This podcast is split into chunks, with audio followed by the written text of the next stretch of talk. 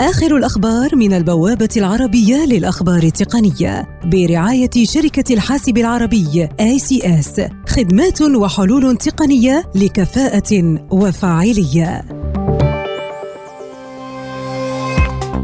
أبل تخفض أسعار جهاز آيفون 10 ار في الهند بنسبة بلغت 25% كعرض ترويجي قصير الأجل لزيادة المبيعات في ثاني أكبر سوق للهواتف الذكية في العالم ومن المتوقع أن تعيد الشركة ضبط الأسعار حسب الطلب. شركة صناعة السيارات تسلا تسجل أكبر انخفاض في مبيعاتها في تاريخها حيث بلغت نسبة الانخفاض 31% خلال الربع الأول من 2019 مقارنة بالعام الماضي وهو ما يمثل انخفاضا بنحو 30 ألف سيارة تطبيق المراسلة الخاص بالشركات الصغيرة واتساب للأعمال يتوفر الآن لنظام آي أو إس في جميع أنحاء العالم بعد أن كان مقتصرا على بعض الدول.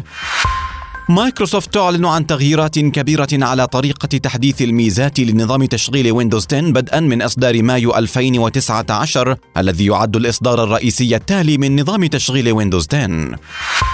الولايات المتحدة ممثلة بممثلي الادعاء تؤكد جمع السلطات معلومات عن هواوي من خلال المراقبة الإلكترونية السرية والتي تعتزم السلطات استخدامها في القضية ضد الشركة الصينية بشأن أعمال مشبوهة في إيران. شركة إريكسون تطلق حلولا خلوية تهدف لتسريع عملية التحول الرقمي في مجال الثورة الصناعية الرابعة وتتمثل في تقديم شبكات مخصصة في المصانع بدءا من الجيل الرابع وصولا للجيل الخامس.